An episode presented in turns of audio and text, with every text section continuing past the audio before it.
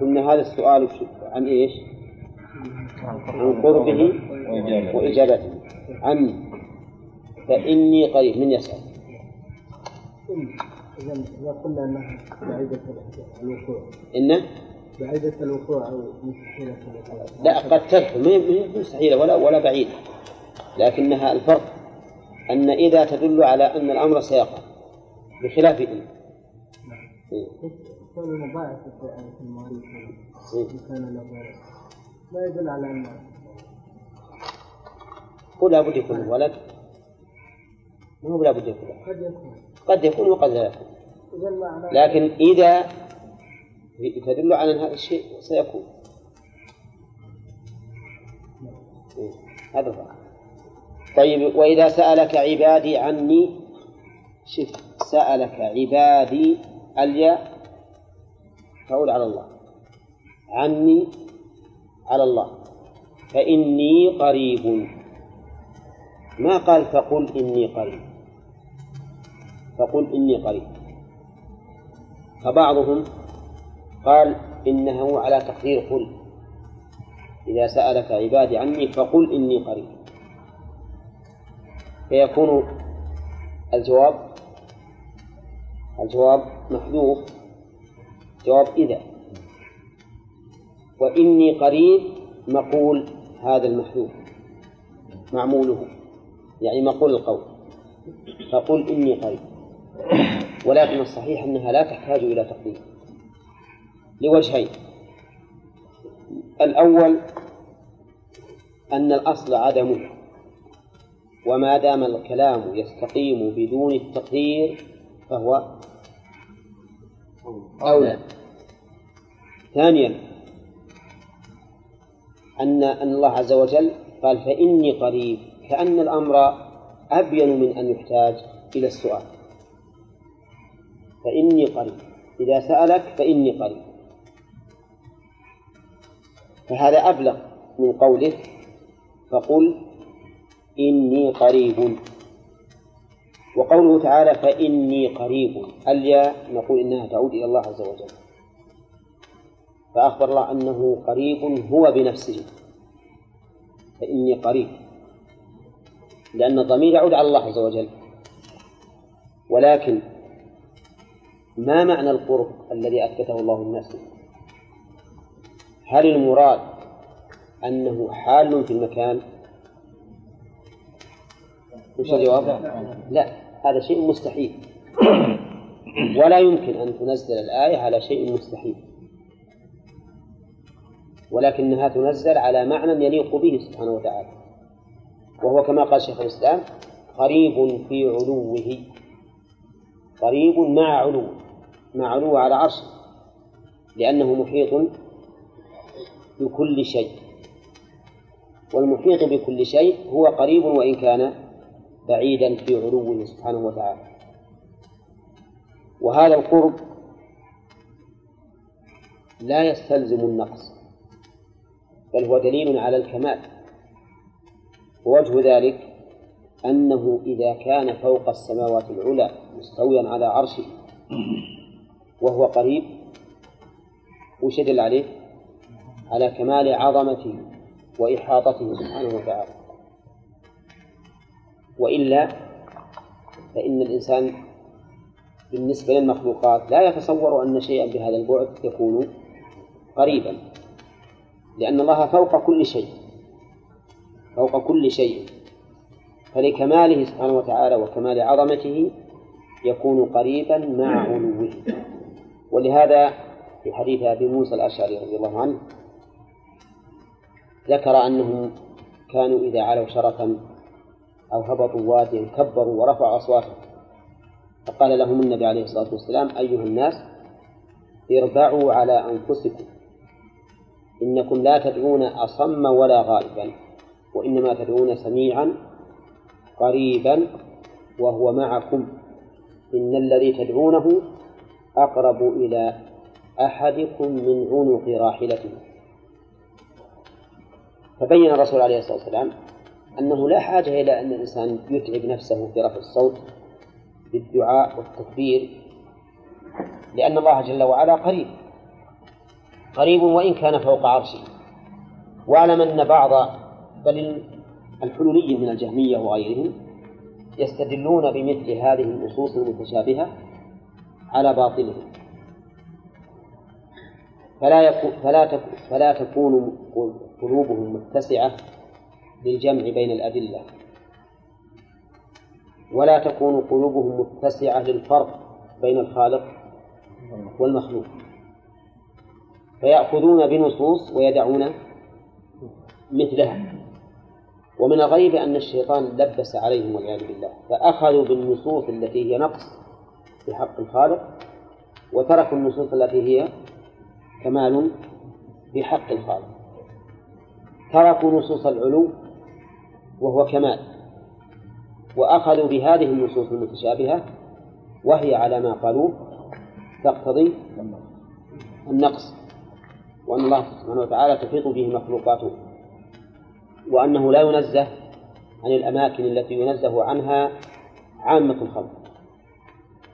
فالحاصل أن نقول إن هذا القرب لا يجوز لنا أن نتوهم أنه سبحانه وتعالى في الأماكن التي نحن فيها. وكلما جاءك من هذه النصوص فاعلم أنه دال على عظمة الله عز وجل وإحاطته. ومنه ما جاء في الحديث عبدي مرضت فلم تعودني فقال كيف أعودك وأنت رب العالمين؟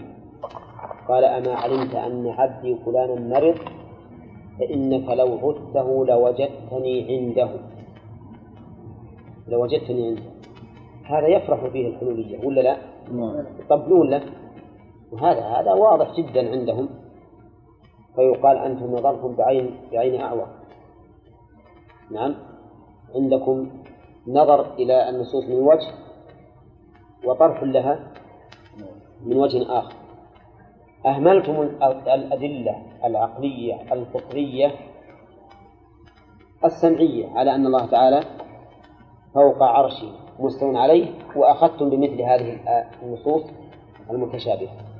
وقد قال الله سبحانه وتعالى إذا رأيتم قال النبي عليه الصلاة والسلام إذا رأيتم الذين يتبعون ما تشابه منه فإن الله فأولئك فإنهم فأولئك الذين سمى الله فاحذروه وقد قال الله تعالى فأما الذين في قلوبهم زيغ فيتبعون ما تشابه منه. هذا هؤلاء هم الذين سمى الله.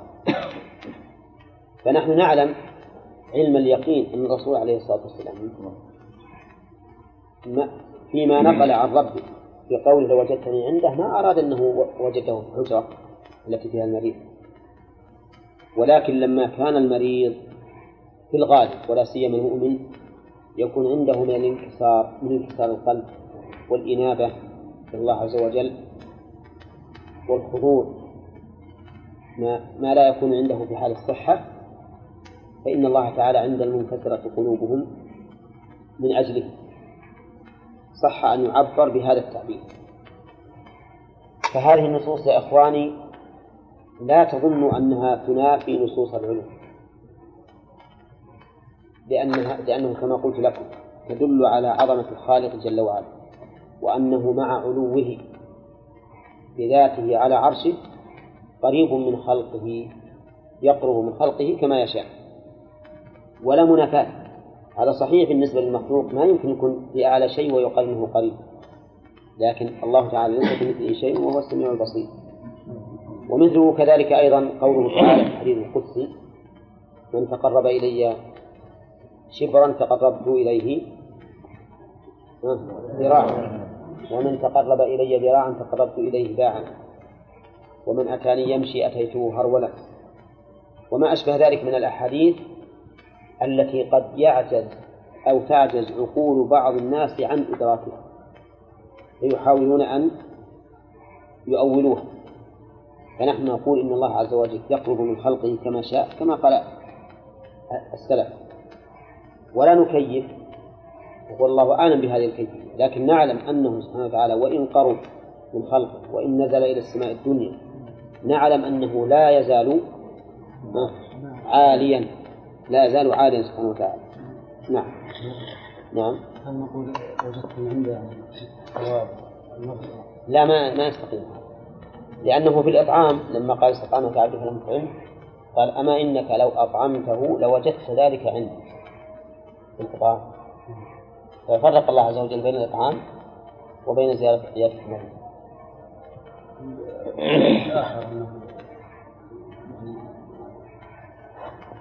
يقول في الرحمة. إيه. نعم نقول نحمل عليه. نعم. نحمل على أنه حقيقة. يخوض في رحمة الله بمعنى أنه ينغمر فيها. نعم يعني بالأجر والثواب. في الأجر والثواب إيه، نعم ما في شك لكن كيف نقول لو عنده ما نحمل على المرض ما نحمله لأن هذا حديث واحد فرق فيه الرسول عليه الصلاة والسلام. فيما روى عن ربه. ما نتصور لا يتصور يتصور. العندية لا تنافي العلو بالنسبة لله عز وجل. أما بالنسبة للمخلوق نعم ما يكون عندك هو بالسطح لكن بالنسبة لله عز وجل ما هو صفاته كصفاتنا؟ فالحديث الذي ورد ذكر في, في, في, في الطعام قال أما إنك لو أطعمته لوجدت ذلك عندي. في هذا اللفظ. وفي العيادة قال لوجدتني عنده. فرق بينهم الشيخ الفطرة ما تحدد هذا القول. نعم. الفطرة نعم. في الدعاء ما تحدد هذا القول لأن الله عز وجل ليس قريب لا بذاته ولا ولا يعني يعني الكيفية أو الفطرة تقول إن الله بعيد ليس بقريب. إن الله في السماء لكن مع علوه هو قريب. الفطرة تقول ليس بقريب. لا ما يمكن. إي إن الله عز وجل. لا إذا قلت ليس بقريب بمعنى أنه سبحانه وتعالى أنه هو في المكان هنا هذا صحيح. هذا صحيح ولا يمكن؟ ما يمكن أن يكون كذلك لكنه قريب قربا يليق به. ما نعرف حتى كيف كيف يكون قريبا نثبت أنه قريب ولكن ما نعلم كيف هذا القرب. بل يلزم أن يكون ذلك. في حق الخالق. لأنه سبحانه وتعالى ليس كمثله شيء في جميع نعوته كما قال شيخ الإسلام رحمه الله فهو علي في دنوه قريب في علوه. فلا يقاس بخلقه. نعم. طيب قوله تعالى أجيب دعوة الداعي إذا دعاني أظن هذا الوقف عليه. ها؟ نعم. قال فإني قريب. قريب هذه خبر إن. فإني قريب. أجيب دعوة الداعي إذا دعان. أنتم فهمتم الآن؟ أنه قريب مع علوه وأنه لا تناقض بينهما لأن الله لا يقاس بالمخلوقات فهو قريب في علوه علي في دنوه سبحانه وتعالى. أجيب دعوة الداعي. قوله أجيب هذه الجملة خبر ثاني لإن. فيكون خبر اسما وجملة يعني خبرها مفرد والخبر الثاني جملة. أجيب دعوة الداعي إذا دعان الدعاء بمعنى الطلب. وقوله دعوة الداعي أصلها الداعي بالياء كالقاضي والهادي. لكن حذفت الياء للتخفيف. نظيرها قوله تعالى الكبير المتعالي. وأصلها المتعالي هذا فيما فيه ال. وقد تحذف في, غ... في الذي ليس فيه ال. قد تحذف في, في شيء ليس فيه ال كما في قوله تعالى وما, نه... وما لهم من دونه من وال. أصلها من والي وكل ذلك للتخفيف. دعوة الداعي إذا دعاني. شوف قال إذا دعاني. مع أنه لا يكون داعيا إلا إذا دعا. وحينئذ قد يقول قائل ما فائدة الشرط؟ تفهمين هذه؟ الداعي هو ما كان داعيا إلا لما دعا. وحينئذ فما فائدة الشرط في قوله إذا دعاني؟ نقول فائدته الإشارة إلى أمرين بل إلى ثلاثة أمور. الأمر الأول الإخلاص بأن يدعو الله تعالى نفسه ما يتخذ بينه وبينه وسائط فيقول يا رسول الله ادعو الله لي بعدما مات الرسول صلى الله عليه وسلم. أو يا أيها الولي الفلاني بعد موت الولي ادعوا الله لي أو ما أشبه ذلك. ففائدتها الإخلاص أن يكون مخلصا لله في الدعوة.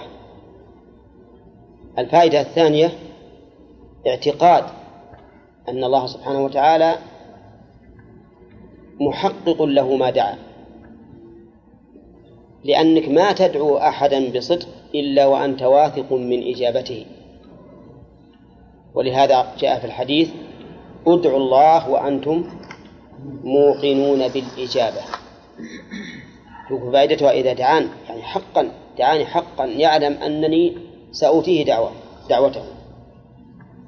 الشيء الثالث تفيد صحة افتقاره إلى الله. وأنه حقيقة مفتقر له.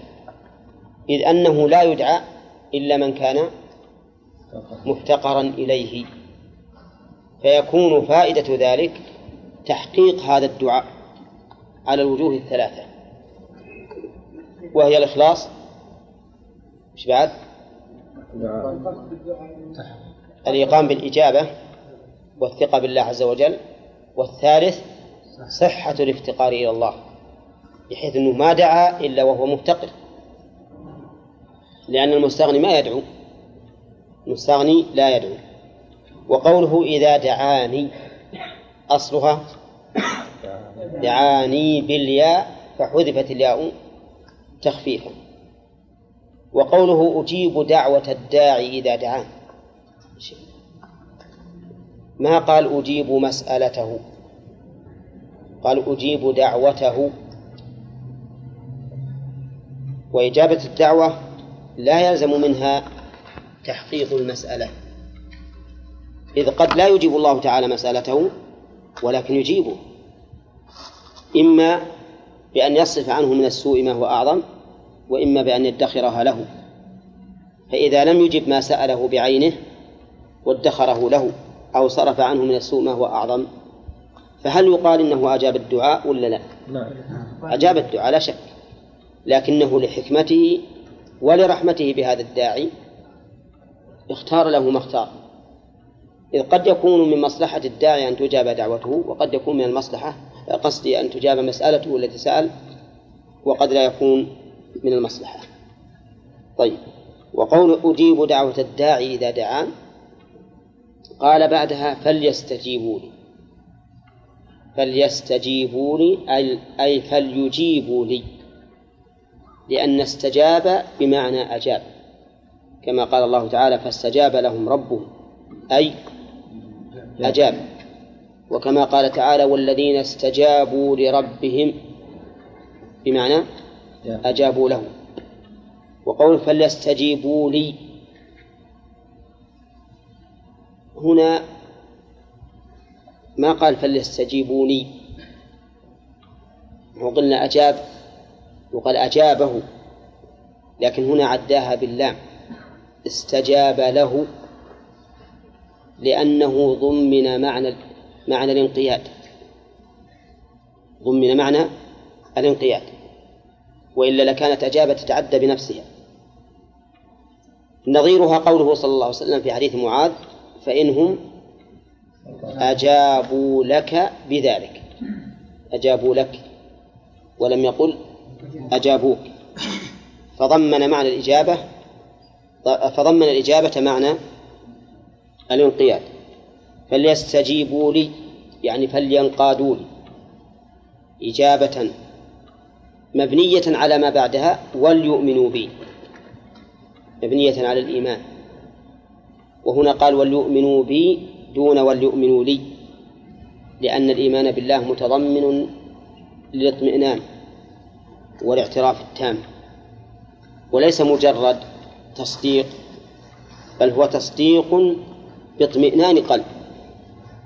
ولهذا يقال اطمأن قلبه به. فصدق واطمأن. وقوله وليؤمنوا به فليستجيبوا لي. اللام هذه في في الفعلين. لام. لام الأمر. ولهذا سكنت بعد حرف العطف.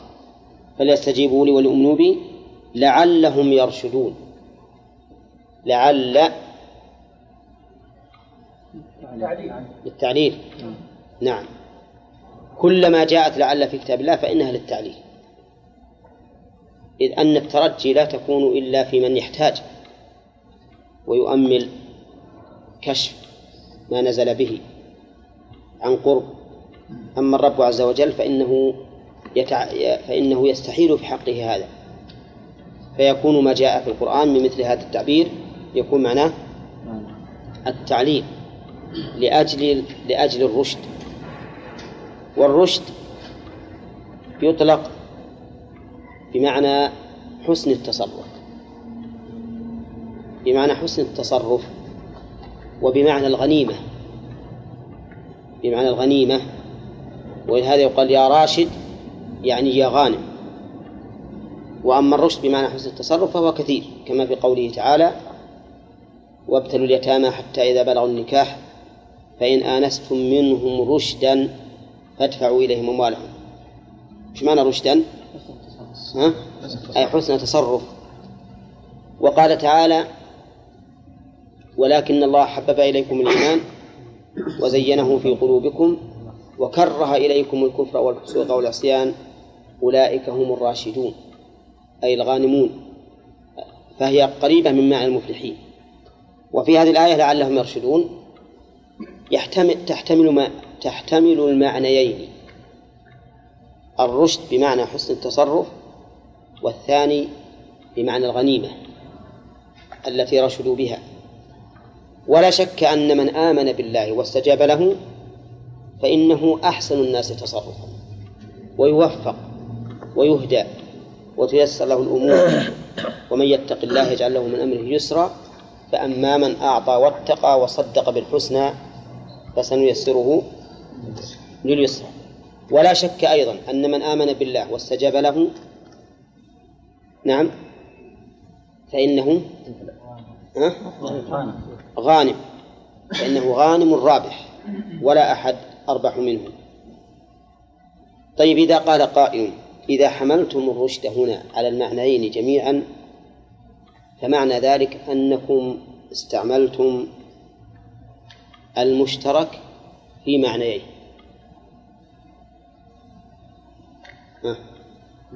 فماذا نقول؟ نقول ما في معنى يقول الصحيح أنه جائز. الصحيح أنه جائز. إذا كان المعنيان لا يتنافيان. وأي مانع من أن يكون المتكلم قصد ما يدل عليه الكلام؟ هذا وهذا. المعنيين يكون أبلغ بعد. نعم. فرجل قال دخل اللصوص على بيت فلان فأفسدوا عينه أتلفوا فأتلفوا عينه. فأتلفوا عينه. وش المراد بالعين؟ عين المال وعينها أيضا اللي تجري. الماء. أولى. وعينها الباصرة. كل يمكن. فإذا علمنا أن, إن هؤلاء اللصوص أفسدوا كل الثلاثة فلا مانع أن نقول إنهم دخلوا على بيته فأفسدوا عينه. فأتلفوا عينه. وش المانع؟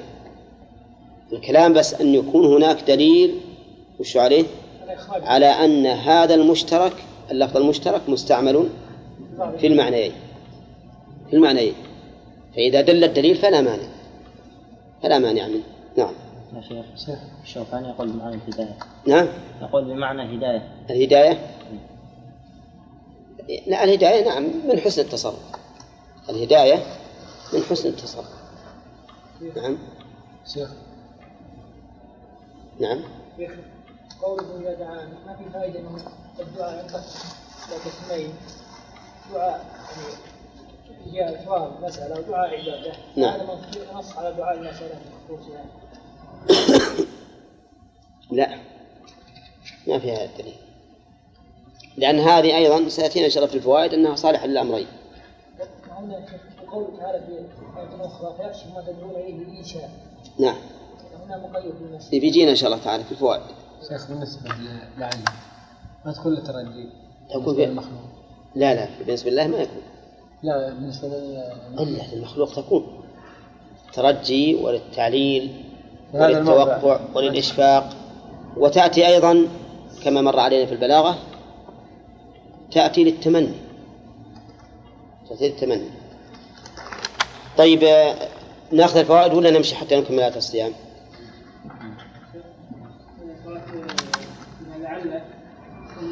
لأن ما هناك شيء معلل من قبل. بالنسبة هذه لعلهم يرشدون بالنسبة لكلام الله. يعني المقصود هذه للتعليل. نقول للتعليل نعم. طيب هذه حق المخلوقين لعلهم يرشدون أي. اي لكن لكن من اللي قال لعلهم يرشدون؟ أي الله سبحانه وتعالى هو قال جميع يعني بس. يعني أت... يعني معناه إني أترجى. على المخلوقين. يعني أترجى أن يرشدوا. لا هو بحق يعني يختلف. لا ما يصلح ما يصلح. ما يصلح. هذا ما دام الله علل فعلا من أفعاله. نعم. يعني نقول إن العباد متفاوتون يعني. لا هو إذا منهم من يرشد ومنهم من لا. ابدا إذا استجابوا لله وآمنوا رشدوا لا شك. لابد إذا استجابوا لله وآمنوا به لابد أن يرشدوا ثم قال تعالى أحل لكم ليلة الصيام الرفث إلى نسائكم. أحل لكم ليلة الصيام الرفث. كلمة أحل مبنية للمجهول لأنه معلوم من الذي بيده الإحلال والتحريم وهو الله. وقوله أحل تدل على أن الأمر كان محرما من قبل. وإلا لما احتيج إلى النص على الإحلال لأن الأصل الحل. بخلاف حرمت عليكم الميتة فلا يدل على أن ذلك كان حلالا مثلا لأن لأنه ليس الأصل الحل آه ليس الأصل التحريم. فهنا نقول أحل يدل على أنه كان قبل ذلك حراما وهو كذلك. وقوله أحل لكم ليلة الصيام. أي صيام؟ الصيام المعهود السابع وهو صيام رمضان. وقولها الرفث الرفث نائب الفاعل فاعل أحل. ولهذا رفع. والرفث يطلق على الجماع. ويطلق على الكلمات التي تقع بين الزوج وزوجته حين الجماع. لأنه يقع بين الزوج وزوجته حين الجماع من الكلمات ما يستحيا منه ويسمى رفثا يسمى رفثا. ولكنه هنا يراد به الجماع بدليل أنه عدي بإلى بإلى الرفث إلى نسائكم أي الإفضاء إلى نسائكم. والإفضاء بمعنى الجماع لقوله تعالى وكيف تأخذونه؟ وقد أفضى بعضكم إلى بعض وأخذنا منكم ميثاقا غليظا. فقال الرفث إلى نسائكم. نساء جمع نسوة. ونسوة اسم جمع لا مفرد له. ومفرده مفرده امرأة مثل إبل اسم جمع لا مفرد له ومفرده بعير نعم. طيب. قوله إلى نسائكم المراد زوجاتكم وإمائكم.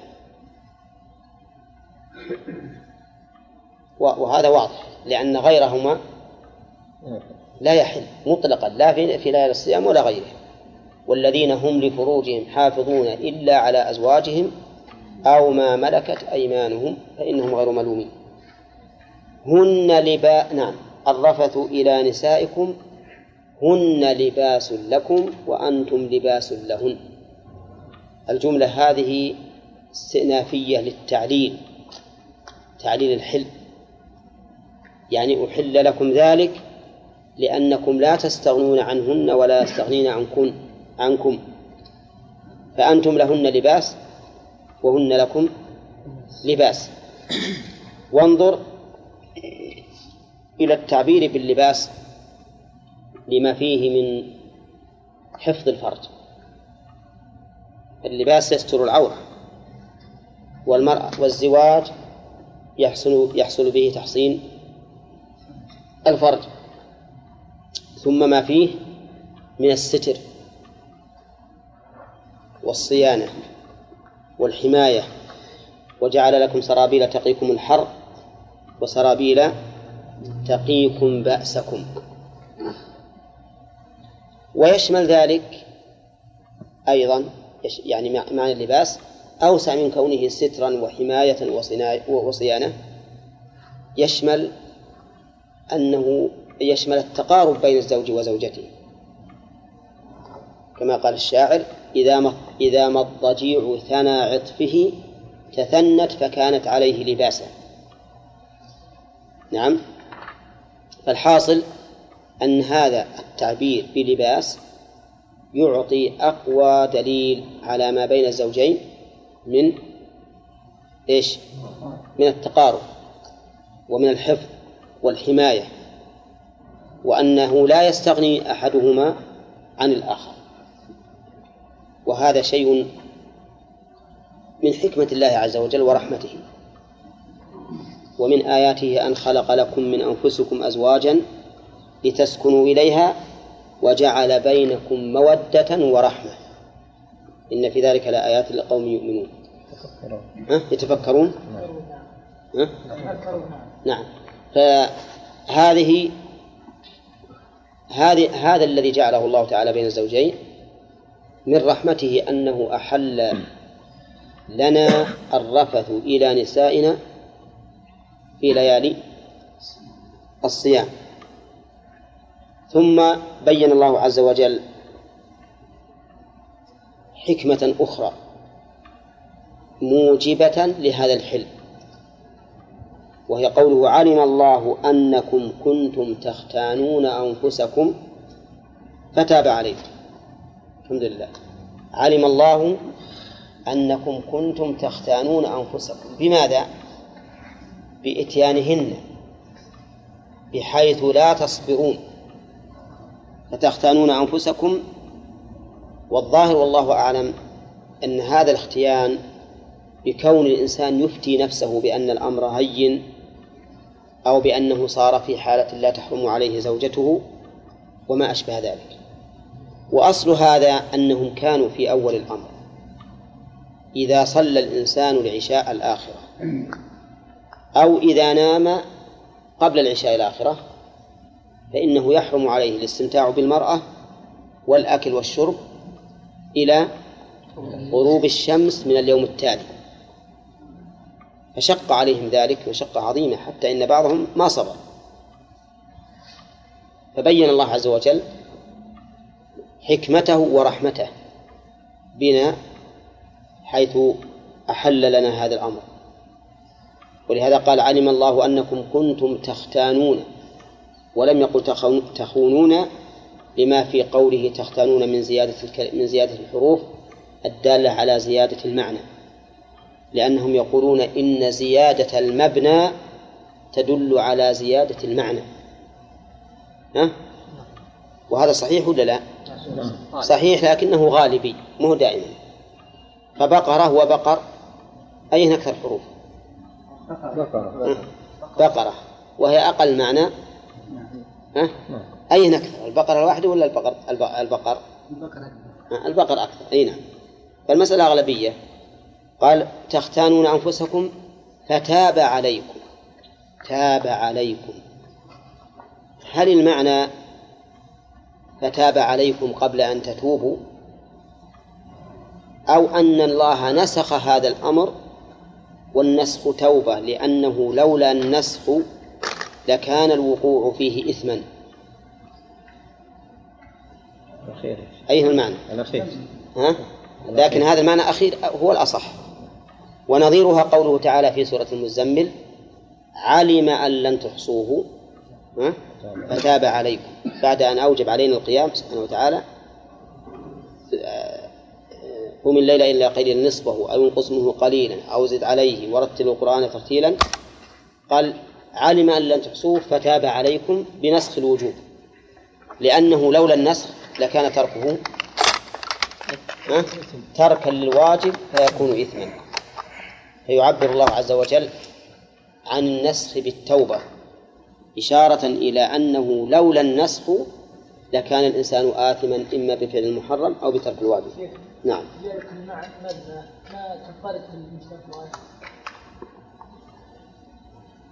ما ما نقدر نحكم بشيء. نقول أغلبية ما نقدر لأن حصر المسائل هذه صعب. يمكن يجي واحد ينقض عليك المثال ثم تضطر إلى أن تقول أغلبية خلها أغلبية ولا هو بضار نعم. نعم. قلت أنه قال احل فدل على أنه كان محرما من قبل. نعم. عام في القرآن. لكن هنا في هذه الآية دليل. في هذه الآية دليل. أما في القرآن عام يعني. آه، في القرآن اليوم أحل لكم نعم. الطيبات. في القرآن إما أن يكون هذا توطئة لم- لما بعده أو إزالة وهم أو ما أشبه ذلك أو بيان امتنان. ما ما نضبطها إنما في هذه الآية تدل على أنه محرم من قبل. نعم. تختارون معناه يعني ياخذ بين اثنين يعني فعل في التكاثر يعني يعني مو بالإنسان يخون نفسه يعني يحصل بين هذا المقصود بيد المعنى نعم ه- هذا هذا من المقصود بلا شك. إن كل واحد منكم يخون الثاني قصدك؟ نعم. مثل تقاتلون. لا بس كلمة اختان مثل اختار يعني ما هي بتدل على الفاعل لكن قد يكون هذا من من جملة ما, ما يستفاد من زيادة المبنى. قد يكون هذا من جملته. إنما أن نقول هذا هو الفائدة ما نقدر نقول هذا هو الفائدة لأن كلمة افتعل ما تدل على المشاركة. نعم قال فتاب عليكم بماذا تاب؟ قلنا بالنسخ لأنه لولا النسخ لكان فعله محرما مقتضيا للإثم.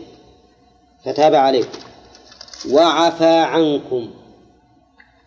العفو يكون في مقابلة إساءة. كما قال الله تعالى إن تبدوا خيرا أو تخفوه أو تعفو عن سوء فإن الله كان عفوا قديرا. فما هي الإساءة اللي حصلت؟ هي ما حصل من بعض الصحابة رضي الله عنهم من إتيان أهلهم في ليالي الصيام قبل أن ينسخ التحريم. ولهذا قال وعفى عنكم وأصل العفو هو ترك المؤاخذة على الذنب. ومن أسماء الله تعالى العفو ويطلق العفو على معنى الزيادة. كما في قوله تعالى حتى عفوا يعني كثروا ومنه قول الرسول عليه الصلاة والسلام أعفوا اللحى. يعني وفروها وأكثروها. فالآن باشروهن إلى آخره. فالآن ألف حرف عطف. تقتضي الترتيب. يعني فالآن بعد التحريم. وبعد تحقق التوبة والعفو باشروهن. باشروهن. وكلمة الآن تقدم لنا أنها اسم إشارة إلى الزمن الحاضر وأنها مبنية على الفتح في محل نصب في محل نصب. وقوله باشروهن المراد بالمباشرة الجماع وسميت مباشرة لالتقاء البشرتين فيها. بشرة المرأة وبشرة الرجل. وقوله باشروهن. هو كما نعلم جميعا فعل أمر. فما المراد بهذا الأمر؟ نعم. الإباحة أو رفع التحريم. نعم. أو كذلك لا بينهما فرق. لا لا. بينهما فرق. ولهذا اختلف الأصوليون في الأمر بعد الحظر هل هو للإباحة أو رفع للتحريم. فمنهم من قال إنه للإباحة ومنهم من قال إنه رفع للتحريم. وبينهما فرق. فإذا قلنا للإباحة فمعناه أن هذا الفعل بعد التحريم صار مباحا فقط.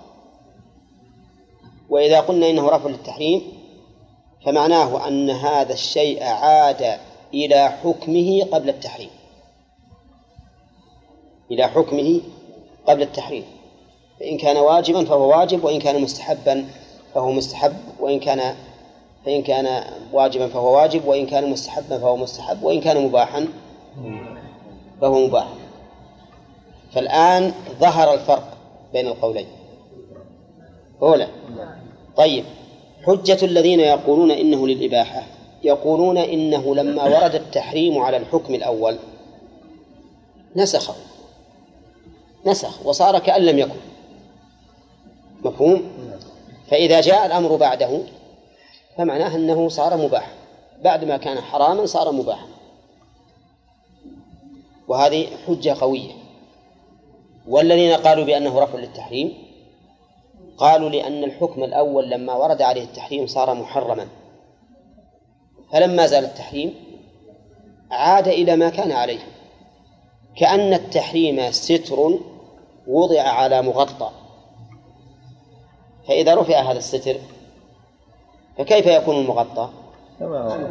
يكون كما كان عليه. كما كان عليه.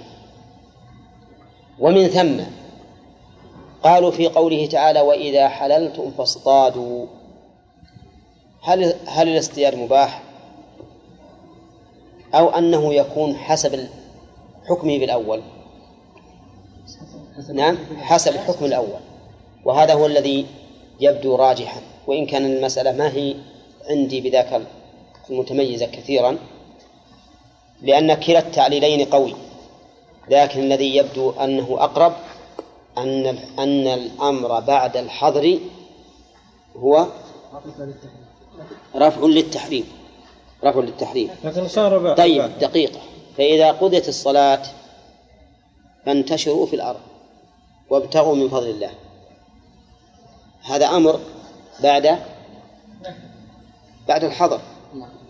لأنه قال إذا نودي للصلاة من يوم الجمعة فاسعوا إلى ذكر الله وذروا البيع ثم قال فإذا قضيت فانتشروا في الأرض وابتغوا من فضل الله. هل نقول الآن إن البيع بعد ما كان محرما صار مباحا الآن؟ أو صار مستحبا أم ماذا؟ نقول عاد على ما كان عليه. والبيع كما هو معلوم قد يكون واجبا وقد يكون مستحبا وقد يكون مباحا. هنا نقول دل على الإباحة لكن دل الدليل الآخر نعم. في هذه الآية الإباحة لكن نعم. هناك أدلة أخرى أيهم مثل آية مثل هذا لا لا إحنا كلامنا على القاعدة العامة. نعم هل نسخ التحريم رفع له أو أنه مقتضى للإباحة؟ الأمر بعد التحريم. نعم. أقول يقتضي الإباحة مثلا نعم. لكن دلت أدلة أخرى نعم. على حكم في غيره لا ما ما بينهم فرق. بينهم فرق. نعم. على قولنا بأن المباح تجد في الأحكام الخمسة. نعم. يكون في فرق بين التعبيرين ها؟ يكون في فرق بين إيه لا لأنه إذا قلنا بأنه يعود يعود إلى ما كان عليه أو رفع للتحريم ننظر هذا الشيء الذي نهي عنه الآن هل هو قبل النهي مستحب؟ فيكون مستحب قد يكون قبل الأمر مستحبا. فيكون مستحبا يبقى على الاستحباب لكن مثل البيع يا شيخ. ما نعم. له حكم يعني. لا البيع حكم الإباحة. البيع حكم الإباحة لا شك. يا شيخ اصطادوا هذا. كل الأمرين يصير يصير للإباحة. أيهن؟ إعادة قا- ما هو عليه إيه. لأ- لأن الصيد في الأصل مباح. نعم. لأن الصيد في الأصل مباح. لكن إذا كان الشيء مما يطلب مثل أنا لو قلت لك لا تزر فلانا و- وهو قريب لك مثلا لا تزر فلانا. ثم قلت لك إذا طلعت الشمس فزره. فزره. هذا الأمر مو معناه الإباحة. إذا قلنا بأنه رفع لل- للنهي صار عادة الزيارة مستحبة. وإذا قلنا إنه للإباحة بقيت الزيارة مباحة. هذا هذا المعنى. نعم. قوله فعفى عنكم. هن. باشروهن قلت المراد به الجماع. طيب. وما دونه من باب أولى وليس محرما. ما دونه ليس محرما. وابتغوا ما كتب الله لكم. ابتغوا اطلبوا ما الذي كتب الله لكم. كتب لكم كتابة كونية أو كتاب الشرعية. يعني بمعنى ما قدر الله لكم أو ما شرع الله لكم. نقول تحتمل المعنيين وشموله وشمولها لهما أولى فالمعنى ابتغوا ما شرع الله لكم أي اطلبوا ما شرع لكم من الاستمتاع بالنساء وإباحته أو ما شرع لكم من التهجد في ليالي رمضان. أو ما شرع لكم من السحور. كل هذا داخل. أو ابتغوا ما كتب الله لكم تقديرا كتابة قدرية من طلب الولد بهذا الجماع. كما قاله بعض المفسرين قال ابتغوا الولد يعني لا لا يكن مباشرتكم من أجل نيل الشهوة فقط ولكن من أجل حصول الولد والذرية. نعم. فأقول إن الآية تشمل تشمل الأمرين. وابتغوا ما كتب الله لكم. والفوائد إن شاء الله تأتينا وكلوا واشربوا. معطوفة على باشروهن. على الأول. على باشروهن. كلوا واشربوا. ما معنى الأكل والشرب؟ وش في الأكل والشرب؟ ولكن ما يتبين لنا ما يتبين لنا.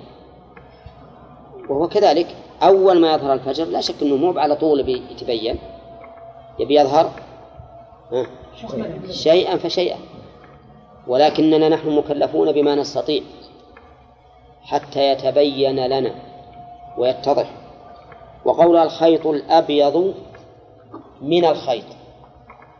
عرفنا لما قال سبحانه وتعالى من الخيط أن يتبين بمعنى يتميز. يتميز هذا من هذا. كما قال تعالى حتى يميز الخبيث من الطيب. فمن ما تدخل على يتبين من هذا إلا إذا قصد به التمييز. يعني حتى يتميز الخيط الأبيض من الخيط الأسود من الفجر. من الفجر بينت المراد بالخيط. خيط إيش؟ بياض النهار. نعم. والخيط الأسود؟ سواد الليل. وفي التعبير بكونهما خيط خيطين دليل على أنهما يتعاقبان. أنهما يتعاقبان وأن هذا قد يكون في جهة وهذا قد يكون في جهة. لأنهما خيطان. والخيطان لا بد أن, يت... أن يتعاقبان. وإلا لكان خيطا واحدا فقط. وقوله حتى يتبين لكم الخيط الأبيض من الخيط الأسود من الفجر. بين الرسول صلى الله عليه وسلم أن الفجر فجر صادق وكاذب. وبين أن الصادق هو الذي يكون معترضا في الأفق مستطيرا كالطير أو كجناح الطير. من الشمال ها؟ إلى الجنوب.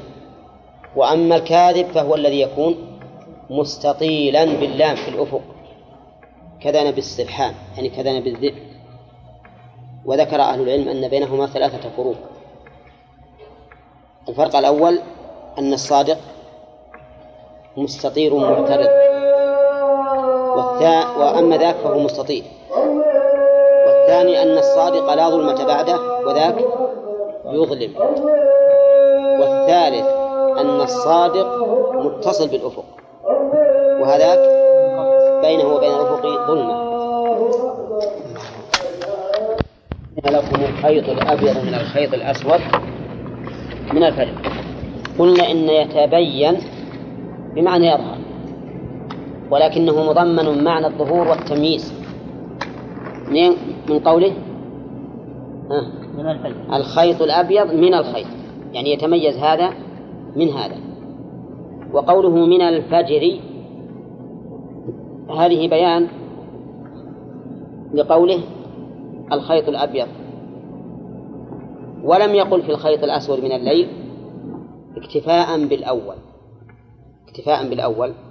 كما في قوله تعالى وجعل لكم سرابيل تقيكم الحر.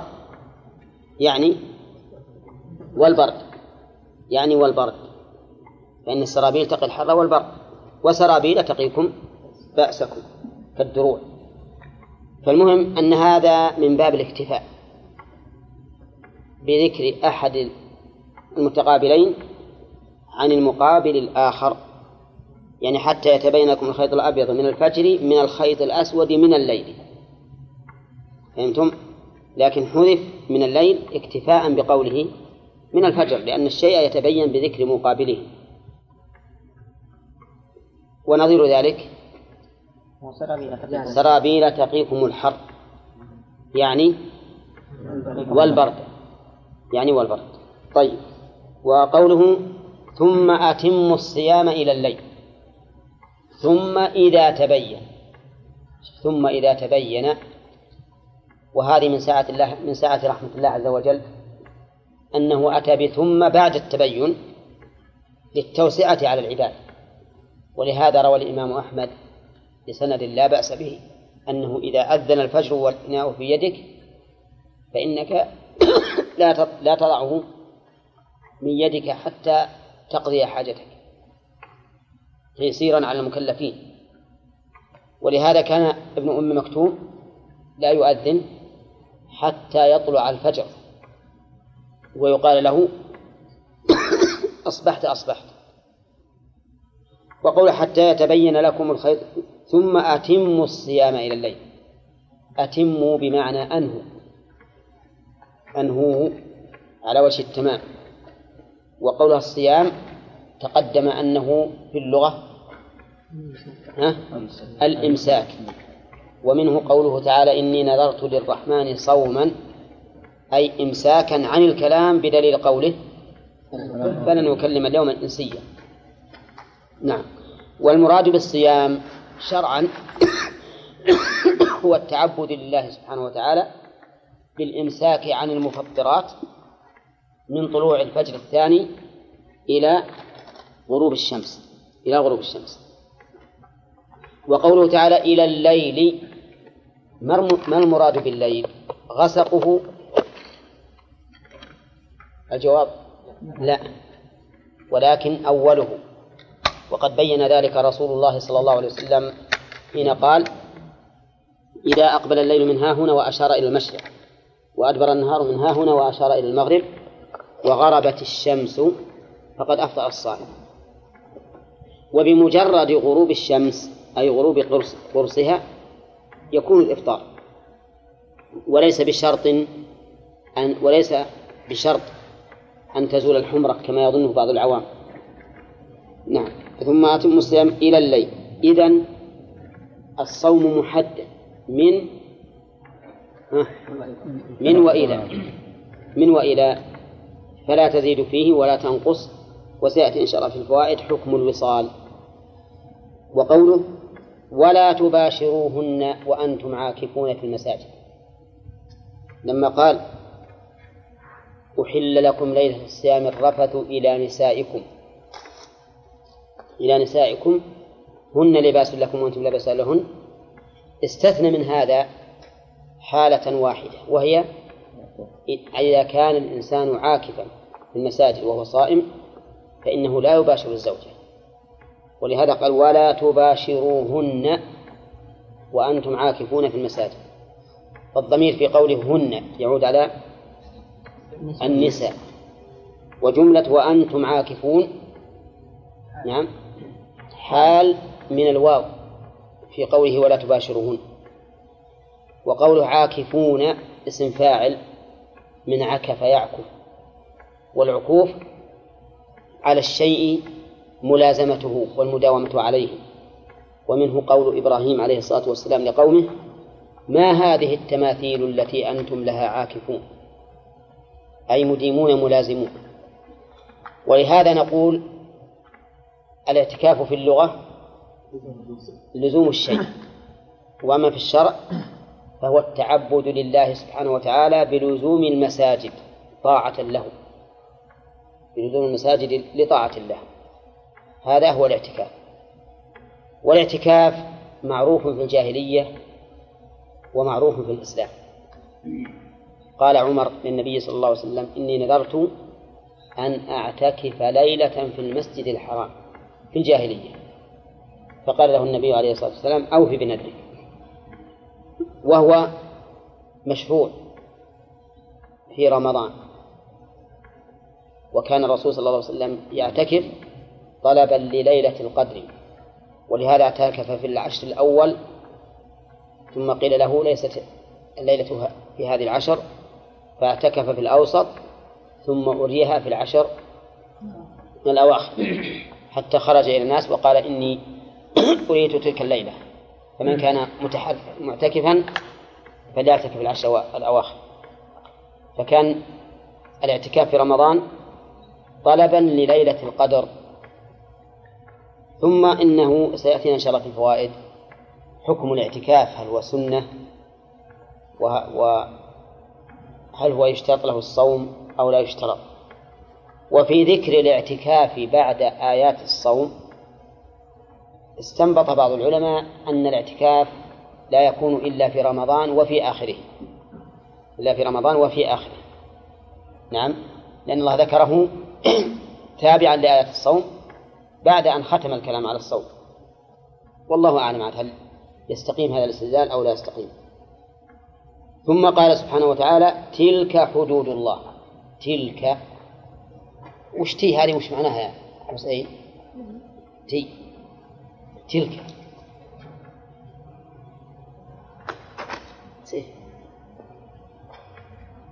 ما تعرفه اسم إشارة. تي اسم إشارة. واللام للبعد والكاف.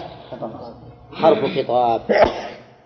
وقد تقدم أن الكاف هذه تكون باعتبار المخاطب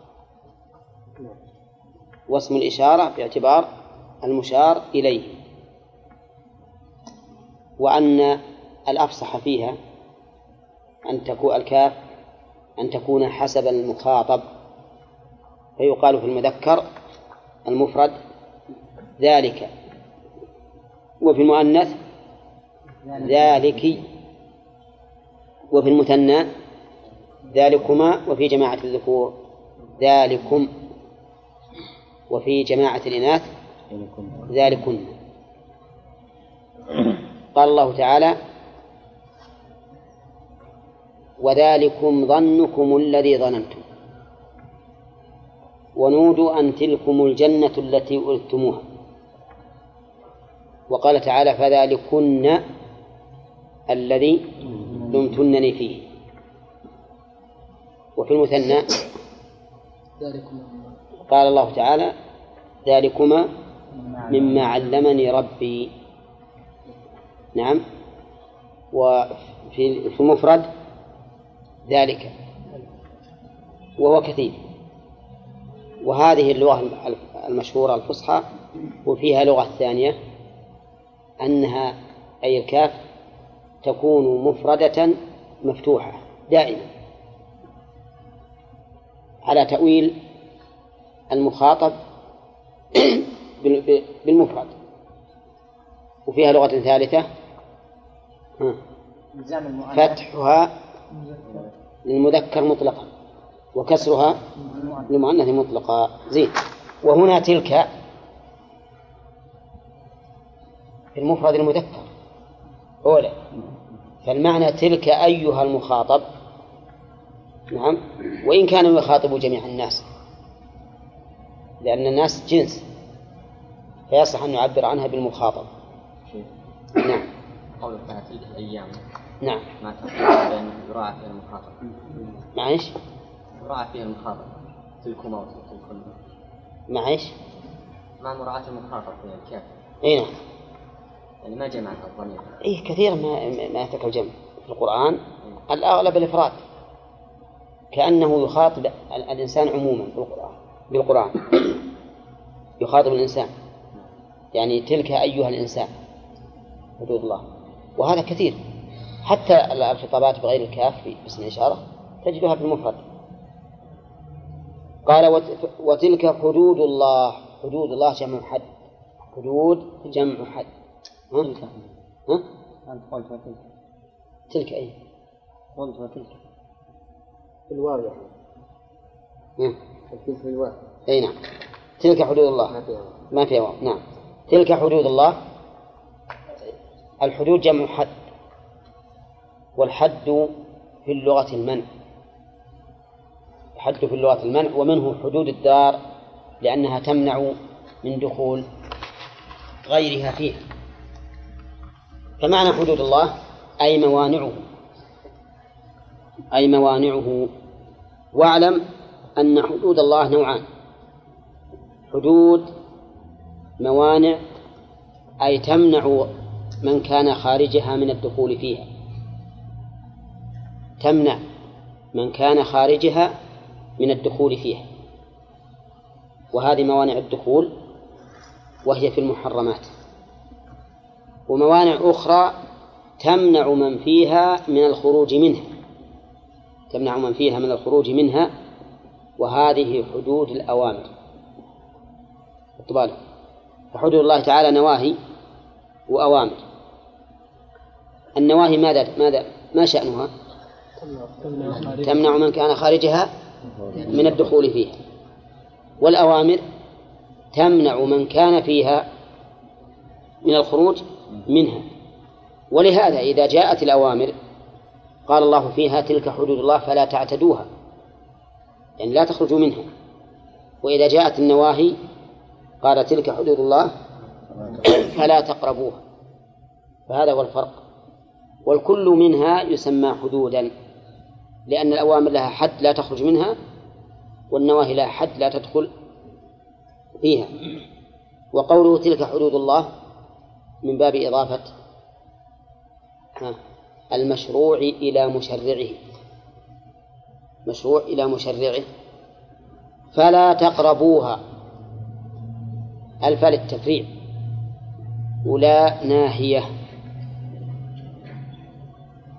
أظن هكذا ناهية. الدليل. حرف النون. ها إيه ملزومة حذف النون. فلا تقربوها. ما قال فلا تفعلوها وإنما نهى عن قربانها حتى نبعد عن المحرم وعن وسائل المحرم لأن الوسائل لها أحكام المقاصد وكم من إنسان حام حول الحمى؟ فوقع فيه ولهذا قال فلا تقربوها فالمحرمات ينبغي البعد عنها وعدم قربها كذلك كذلك يبين الله. هذه تجد ترد في القرآن كثيرا وقد أشرنا فيما مضى إلى إعرابها. وقلنا إن الكاف اسم بمعنى مثل وأنها منصوبة على المفعولية المطلقة. أي مثل ذلك البيان يبين الله. أي مثل ذلك البيان يبين الله. بالكم؟ وهي في القرآن كثيرا وهذا إعراب. أن نقول إن كاف اسم بمعنى مثل وهي منصوبة. على أنها مفعول مطلق وعاملها ما بعدها وقوله كذلك المشار إليه ما سبق من البيان. وأظنه كثير البيان في هذه الآيات. أولى البيان كثير. فبين الله سبحانه وتعالى حكم الأكل والشرب في الليل حكم مباشرة النساء حكم الاعتكاف موضعه ما يحرم فيه. نعم. وإلى آخره المهم أنها عدة أحكام بينها الله. وقوله يبين الله آياته للناس. آيات جمع آية. وهي في اللغة العلامة. والمراد بها الشرع البراهين الدالة على ما تقتضيه من صفات الله سبحانه وتعالى. فمنها ما يقتضي الحكمة ومنها ما يقتضي الرحمة ومنها ما يقتضي العلم ومنها ما يقتضي الإحاطة. المهم أنها متنوعة. الآيات جمع آية وهي في اللغة العلامة والمراد بها هنا شرعا البراهين التي تدل على ما تقتضيه من صفات الله. طبعا وذكر أهل العلم أن الآيات تنقسم إلى قسمين كونية وشرعية. وأن الآيات الكونية هي المخلوقات. كل المخلوقات ذواتها وصفاتها وأحوالها من الآيات الكونية. ومن آياته الليل والنهار والشمس والقمر. ومن آياته خلق السماوات والأرض وما بث فيهما من دابة. ومن آياته أن جعل لكم من أنفسكم أزواجا. ومن آياته أن خلقكم من تراب. ثم إذا أنتم بشر تنتشرون إلى آخره فكل المخلوقات ذواتها وصفاتها وأحوالها ها؟ كلها من آيات الله الكونية. وكانت آية على آية الله لأنه لا أحد من المخلوق يصنع مثلها. وآية الشيء هي العلامة عليه. فلا أحد من المخلوقين يصنع مثل ما يصنع مثل هذه الآيات أبدا. أولى طيب القسم الثاني من الآيات الآيات الشرعية وهي ما أنزله الله تعالى على رسله وأنبيائه من الوحي. فإنها آيات شرعية تدل على منزلها سبحانه وتعالى. وجه ذلك أنك إذا تأملت أخبارها وجدتها في غاية الصدق. والبيان. والمصلحة. نحن نقص عليك أحسن القصص بما أوحينا إليك هذا القرآن. فأحسن الأخبار أخبار القرآن. أخبار الوحي القرآن وغيره. إذا تأملت أحكامها وجدتها أحسن الأحكام أحسن الأحكام. ومن أحسن من الله حكما لقوم يوقنون. لو اجتمع الخلق على أن يأتوا بمثل الأحكام التي أنزلها الله على رسله ما استطاعوا إلى ذلك سبيلا. بهذا تكون آية ولا لا؟ نعم. تكون آية على ما تقتضيه من صفات الله سبحانه وتعالى. وقولنا على ما تقتضيه لأن الآيات تختلف. بعضها تقتضي العظمة تدل على العظمة بعضها تدل على الرحمة. بعضها تدل على العلم وبعضها تدل على الكبرياء. المهم تختلف. نعم. وقوله يبين الله آياته للناس لعلهم يتقون. لعلهم يتقون هذه لعل للتعليل. يتقون من؟ يتقون الله عز وجل. وتقوى الله سبحانه وتعالى هي اتخاذ الوقاية من عذابه بفعل أوامره واجتناب نواهيه. هذه التقوى. اتخاذ وقاية من عذاب الله بفعل أوامره واجتناب نواهيه. وهذا أجمع ما قيل في التقوى.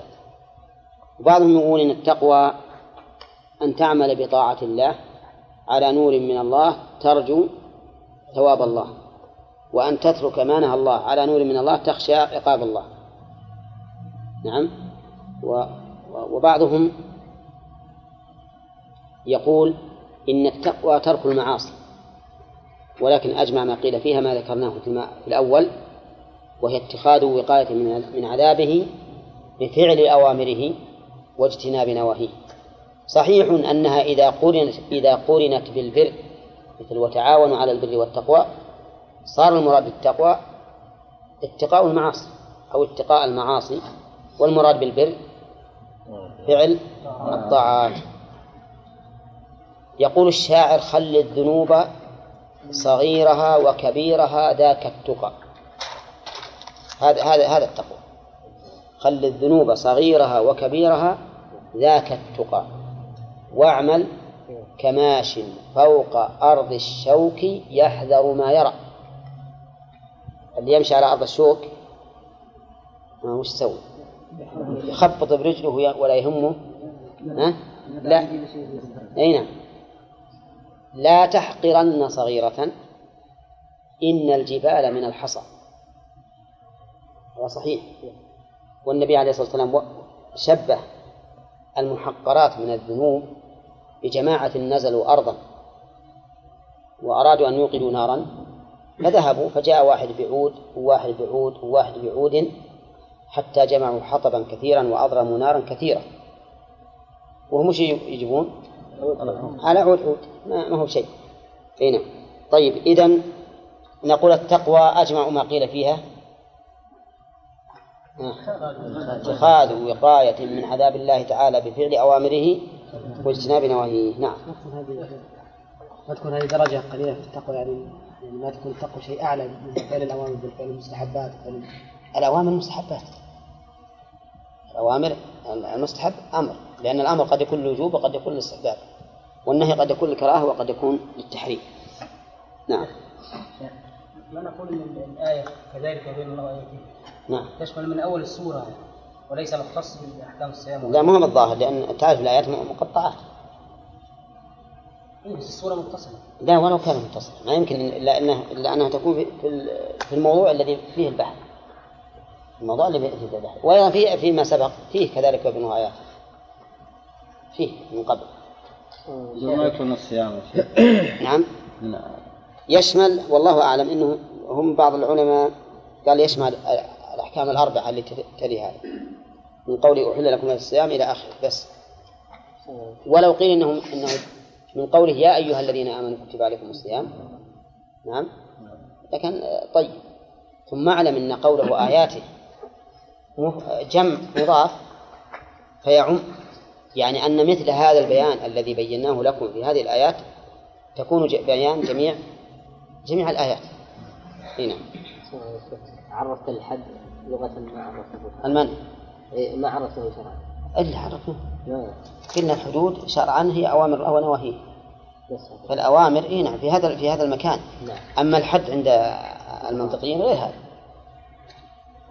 الحد عند المنطقيين تقدمنا في شرح عقيدة السفاري. يعني يختلف ما كان عند إيه الفقهاء. يختلف آه، بحسب الاصطلاحات. شيخ نعم. لو قال قائل إن يعني تبيين الايات نعم. كأنه يتراءى الإنسان أن فائدته الإيمان. الإيمان؟ الإيمان لعلكم مثلا تؤمنون. لأن ثم إذا آمن يتقى. إيه. لا أصلا ما في تقوى إلا بعد الإيمان. ما في التقوى إلا بعد الإيمان. فالإنسان إذا تبينت له الآيات اتقى الله عز وجل. فحصلت اولا ما في التقوى يا أخي إلا بعد إيمان. وهل الإنسان يبي يتقي شيئا لا يؤمن به؟ ما يمكن يتقي. ثم قال ولا تأكلوا أموالكم بينكم بالباطل. مناسبة هذه الآية لما سبق؟ مناسبة واضحة ما عاد. مناسبة واضحة. لأن ما سبق في آيات الصيام تحريم لأشياء خاصة. في زمان ها؟ في زمان خاص. الآية اللي بعدها هذه ولا تأكلوا هذا تحريم عام عام.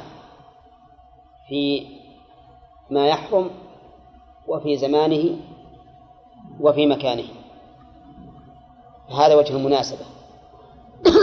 أنه لما ذكر التحريم الخاص الذي يحصل بالصيام بين التحريم العام الذي يحصل في الصيام وفي غير الصيام. فقال ولا تأكلوا أموالكم بينكم بالباطل. لا تأكلوا المراد بالأكل ما هو أعم منه. لكنه خص الأكل لأنه أقوى وجوه الانتفاع. أقوى وجوه الانتفاع هو الأكل. الإنسان ينتفع ينتفع في المال ببناء مسكن له. بناء المسكن متصل به ولا لا؟ لكن مو مثل اتصال الثوب.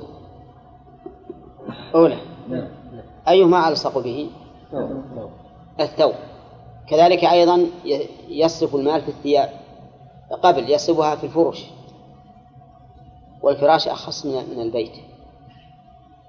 أولى لأن الفراش هو الذي يليه عند النوم وعند الجلوس وما أشبه ذلك. يصرفها في اللباس وهو أخص من الفراش. يصرفها في الأكل والشرب وهو أخص الأشياء. ما عاد بعده شيء. ولهذا ذكر بعض أهل العلم رحمهم الله أن الإنسان إذا كان عنده مال مشتبه ينبغي أن يصرفه في الوقود. في الوقود. ما يصرف ما يصرف بالأكل والشرب لأن الأكل والشرب يتغذى بهما البدن. نعم وهما أخص انتفاع بالماء. أطيروا بالكم؟ فإذا كان الله يقول لا تأكلوا أموالكم وهو أخص الانتفاع والذي قد يكون الإنسان لو لم لو لم يفعل لهلك لو لم يأكل لمات. فكيف عاد بغيره؟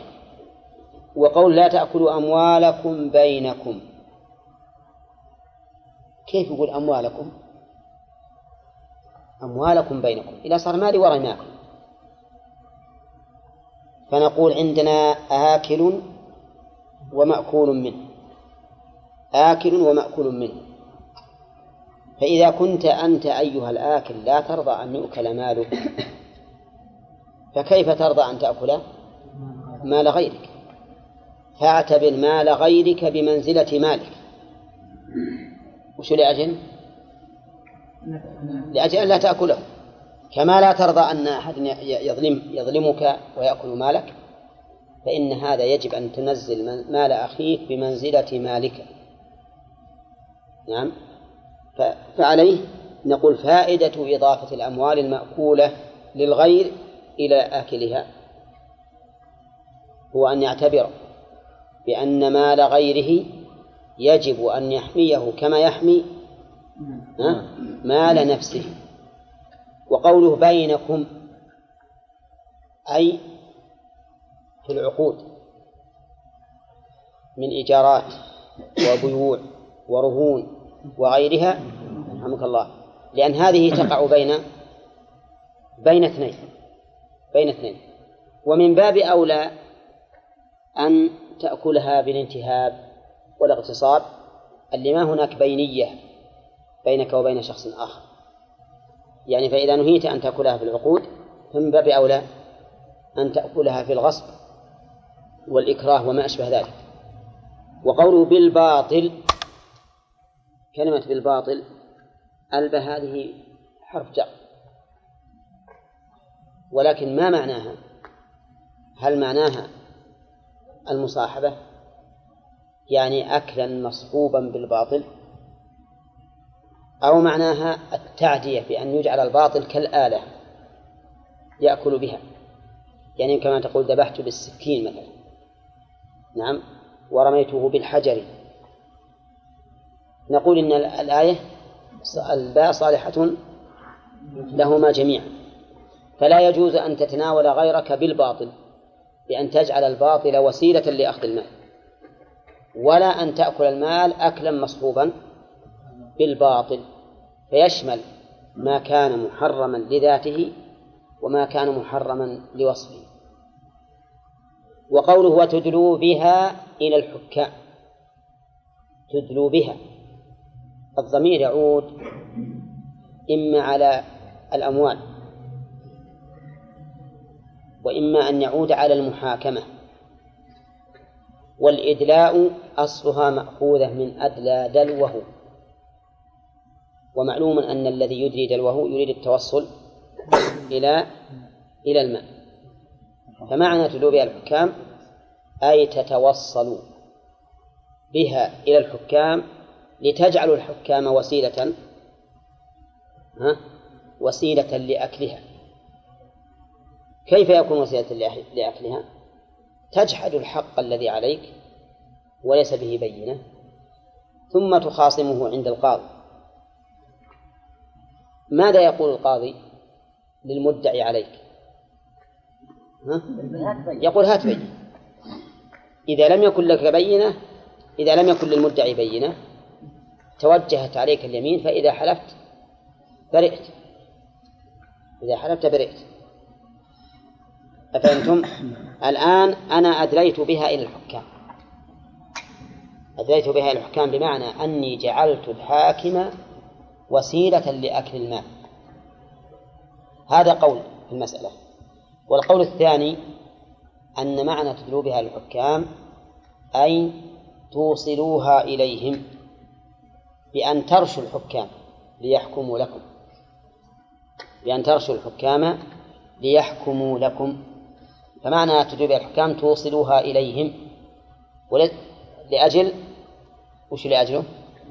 أن يحكموا لكم. وكلا المعنيين؟ كلا المعنيين صحيح. ولا يدخل فيها شيخ البلاسة. البلاسة؟ إيه يعني يبلس حكام علشان يأخذوا مال هذا بغير حق. أي ه- ما تكون أنت الذي أكلتها. إيه لكن أدليت بها. أي ما بس الآية يقول لا تأكلوا وتدلوا. أما إن جعلنا الجملتين منفصل بعض منفصلا بعضها عن بعض فهي نعم تدخل مثل ما قلت أنت ويصير النهي عن عن شيئين. لا تأكلوا أموالكم بينكم بالباطل هذه جملة مستقلة. ولا تدلوا بها إلى الحكام. هذه جملة مستقلة. لكن ظاهر النظم يعني ظاهر الكلام أن الجملتين واحدة. ولهذا قال وتدلوا بها ولم يقل ولا تدلوا بها. فجعلها معطوفة على قوله؟ ولا تأكلوا. فهي مبنية عليها. وين يعود؟ أيهن؟ على القول الثاني من ترشوش إيه يعود على الأموال. يعود على الأموال. يعني المال اللي أرشيبه القاضي غير المال الأول أي ما يخالف. لكن معناه يكون معناه ولا تأكلوا أموالكم بينكم بالباطل. وتدلوا بأموالكم لتأكلوا هذه. يعني أموال ثانية. أموال ثانية لجل تأكلوا بها أموال الغير يحكمون لكم بها. شيخ طيب البلاس اللي ما- تدخل في الرشوة؟ نعم. لا لا البلاس من هذا. البلاس انه يخبره يخبر القاضي الحاكم الحاكم بأن فلان عنده مال نجي نأخذه. منه لأن بالصاد يقول على يبلص يبلص يعني يرشي إيه. يلبس عليه الأمر. لا اللي يريد عنهم لا يدل الح- الحكام على أموال الناس ليأكلوها. وقال نعم. الحكام الأمراء. على على إذا قلنا أن المراد مثل ما قال غانم ولكن أما إذا قلنا أن, أن معنى عند المحاكمة فهو يشمل الأمراء ويشمل الحكام القضاة. قال وتدلوا بها الحكام لتأكلوا فريقا من أموال الناس. قوله لتأكلوا قد يقول قائل إن فيها إشكال. لأن قوله ولا تأكلوا ثم قال لتأكلوا. كيف يعلل يعلل الحكم بنفس الحكم؟ فنقول إن اللام هنا ليست للتعليل بل اللام هنا للعاقبة. يعني أنكم إذا فعلتم حصل لكم؟ الأكل أكل فريق من أموال الناس. فاللام هنا للعاقبة وتأتي اللام للعاقبة كما في قوله تعالى فالتقطه آل فرعون ليكون لهم عدوا وحزنا. هل آل فرعون التقطوه لهذه العلة؟ أو كانت العاقبة كذلك؟ كانت العاقبة كذلك. فاللام في قوله لتأكلوا اللام لام العاقبة. وقوله لتأكلوا. لماذا نصب حذفت الواو. النون؟ منصوب بأن مضمرة بعد اللام على قول. أو باللام نفسها على قول من؟ نا- أي نعم صح. لتأكلوا. فريقا من أموال الناس. فريقا الفريق بمعنى الطائفة وسمي فريقا لأنه يفرق عن غيره. يفرق عن غيره.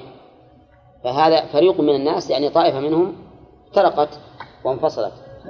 وقول فريقا من أموال الناس طيب لو قال قائل قد يأكل كل مال المدعى عليه. من باب أولى؟ نعم من باب أولى. أو نقول إن مال المدعى عليه فريق من أموال الناس على سبيل العموم. فريق من الناس على سبيل العموم. لأن الإنسان مهما بلغ عنده من الملايين فإن غيره عنده مال إيه نعم. من أموال الناس بالإثم. لتأكلوا فريقا من أموال الناس بالإثم. الباء هنا للمصاحبة. يعني أكلا مصحوبا بالإثم وهو الذنب وذلك لأنه باطل. ومن هنا نعلم أن الباطل يعني الإثم. ولكن هل هو في كل مكان الباطل هو الإثم؟ لا قد يراد بالباطل ما لا ما لا منفعة فيه. كما في قوله عليه الصلاة والسلام كل له له ابن آدم فهو باطل إلا لعبه في قوسه وملاعبة أهله وولاده في درس وإذا سألك عبادي عني فإني قريب أجيب دعوة الداعي إذا دعان. فليستجيبوا لي وليؤمنوا بي لعلهم يرشدون. يستفاد من هذه الآية فوائد. أولا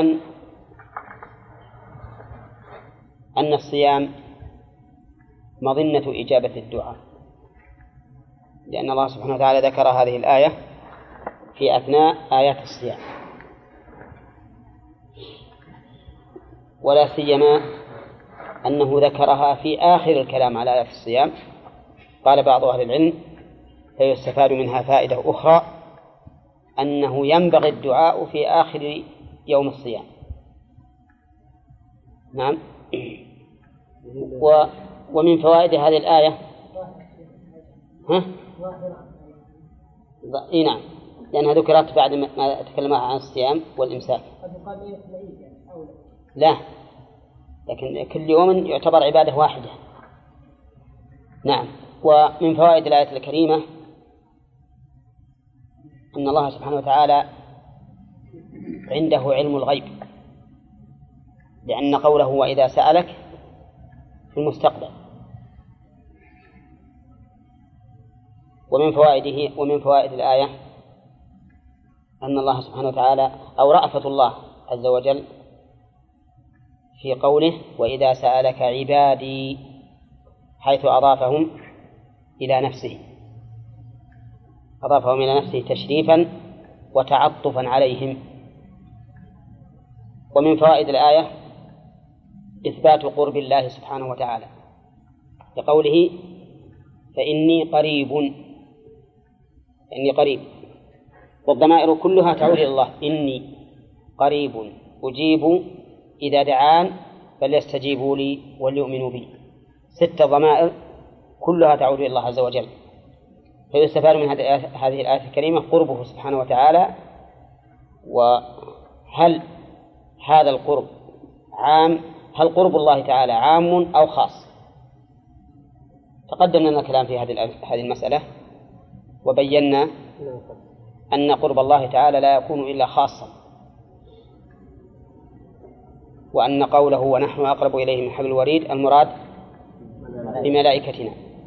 وكذلك قوله فلولا إذا بلغت الحلقوم وأنتم حينئذ تنظرون ونحن أقرب إليه منكم. المراد أيضا بملائكة بملائكتنا. قال شيخ الإسلام رحمه الله ولم يرد القرب عاما كما ورد في المعية.